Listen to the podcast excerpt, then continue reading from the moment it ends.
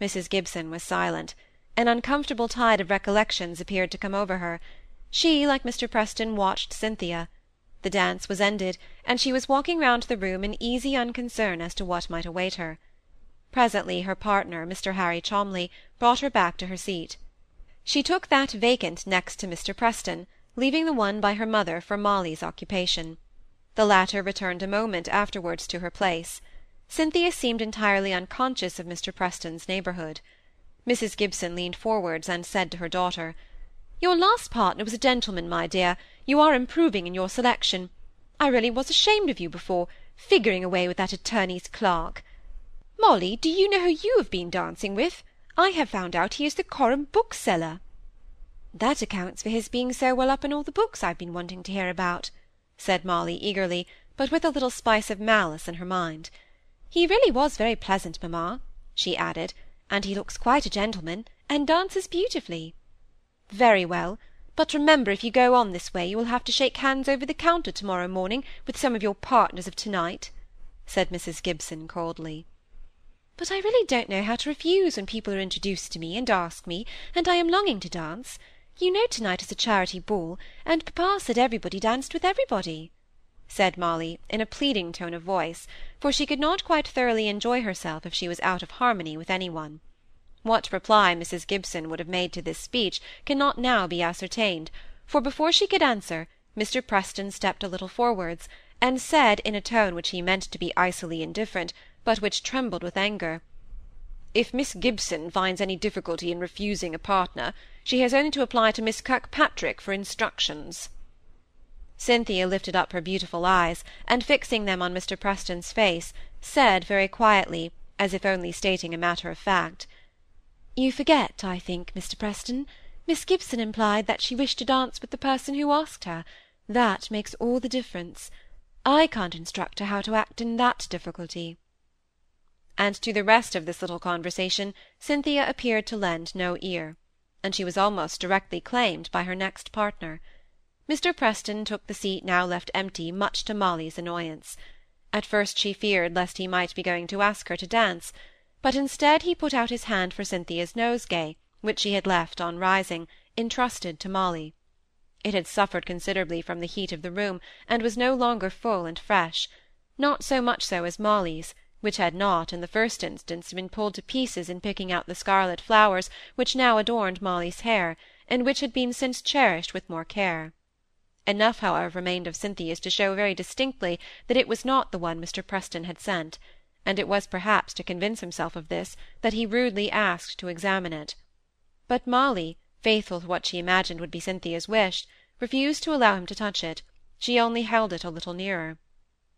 Miss Kirkpatrick has not done me the honour of wearing the bouquet I sent her, I see. She received it, I suppose, and my note? Yes, said Molly, rather intimidated by the tone in which this was said. But we had already accepted these two nosegays. Mrs. Gibson was just the person to come to the rescue with her honeyed words on such an occasion as the present. She evidently was rather afraid of Mr. Preston, and wished to keep at peace with him. Oh yes, we were so sorry. Of course I don't mean to say we should be sorry for anyone's kindness, but two such lovely nosegays had been sent from Hamley Hall, you may see how beautiful from what Molly holds in her hand, and they had come before yours, Mr. Preston. I should have felt honoured if you had accepted of mine, since the young ladies were so well provided for. I was at some pains in selecting the flowers at Green's.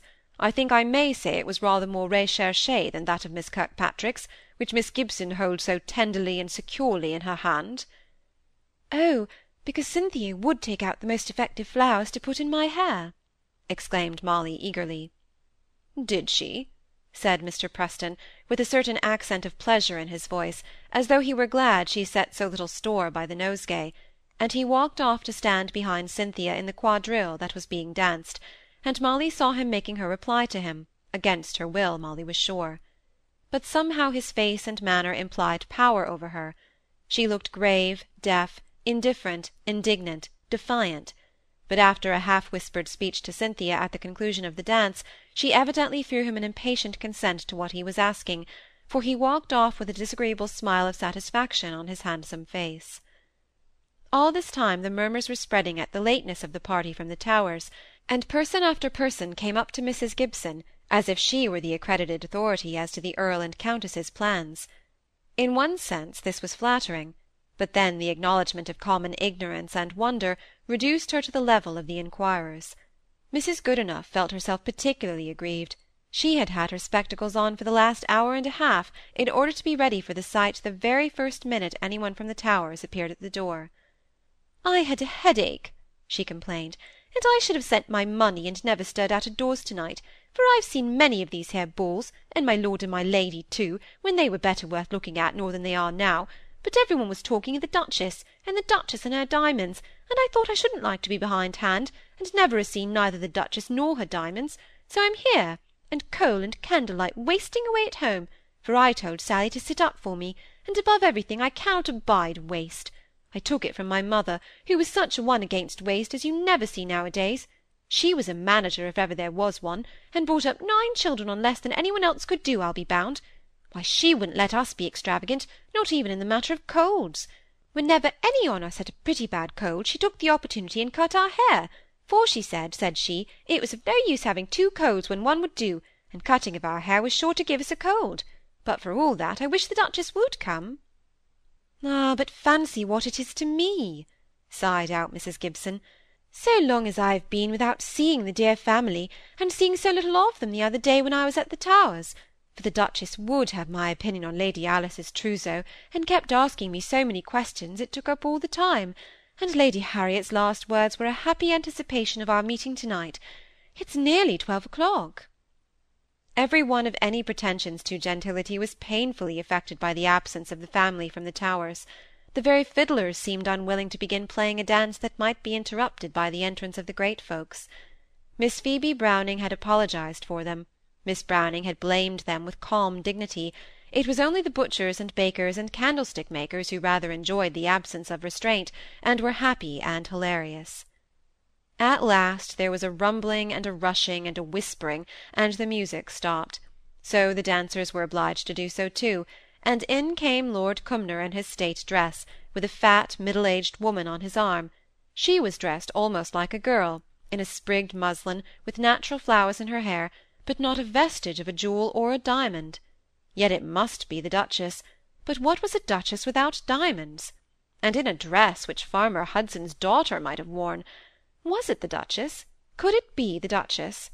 The little crowd of inquirers around Mrs. Gibson thickened, to hear her confirm their disappointing surmise. After the Duchess came Lady Cumnor, looking like Lady Macbeth in black velvet, a cloud upon her brow, made more conspicuous by the lines of age rapidly gathering on her handsome face and Lady Harriet and other ladies, amongst whom there was one dressed so like the Duchess as to suggest the idea of a sister rather than a daughter, as far as dress went. There was Lord Hollingford, plain in face, awkward in person, gentlemanly in manner, and half a dozen younger men, Lord Albert Monson, Captain James, and others of their age and standing, who came in looking anything if not critical. This long-expected party swept up to the seats reserved for them at the head of the room, apparently regardless of the interruption they caused, for the dancers stood aside, and almost dispersed back to their seats, and when Money Musk struck up again, not half the former set of people stood up to finish the dance. Lady Harriet, who was rather different to Miss Piper, and no more minded crossing the room alone than if the lookers-on were so many cabbages, spied the Gibson party pretty quickly out, and came across to them. "Here we are at last! How do you do, dear? Why, little one," to Molly, how nice you're looking! Aren't we shamefully late?" "Oh, it's only just past twelve," said Mrs. Gibson, "and I dare say you dine very late." "It wasn't that. It was that ill-mannered woman, who went to her own room after we came out from dinner, and she and Lady Alice stayed there invisible, till we thought they were putting on some splendid attire, as they ought to have done, and at half-past ten, when mamma sent up to them to say the carriages were at the door, the Duchess sent down for some beef tea and at last appeared our l'enfant as you see her. Mamma is so angry with her, and some of the others are annoyed at not coming earlier, and one or two are giving themselves airs about coming at all. Papa is the only one who is not affected by it." Then, turning to Molly, Lady Harriet asked, "Have you been dancing much, Miss Gibson?" "Yes, not every dance, but nearly all." It was a simple question enough, but lady harriet's speaking at all to molly had become to mrs gibson almost like shaking a red rag at a bull. It was the one thing sure to put her out of temper. But she would not have shown this to lady harriet for the world only she contrived to baffle any endeavours at further conversation between the two by placing herself betwixt lady harriet and molly whom the former asked to sit down in the absent cynthia's room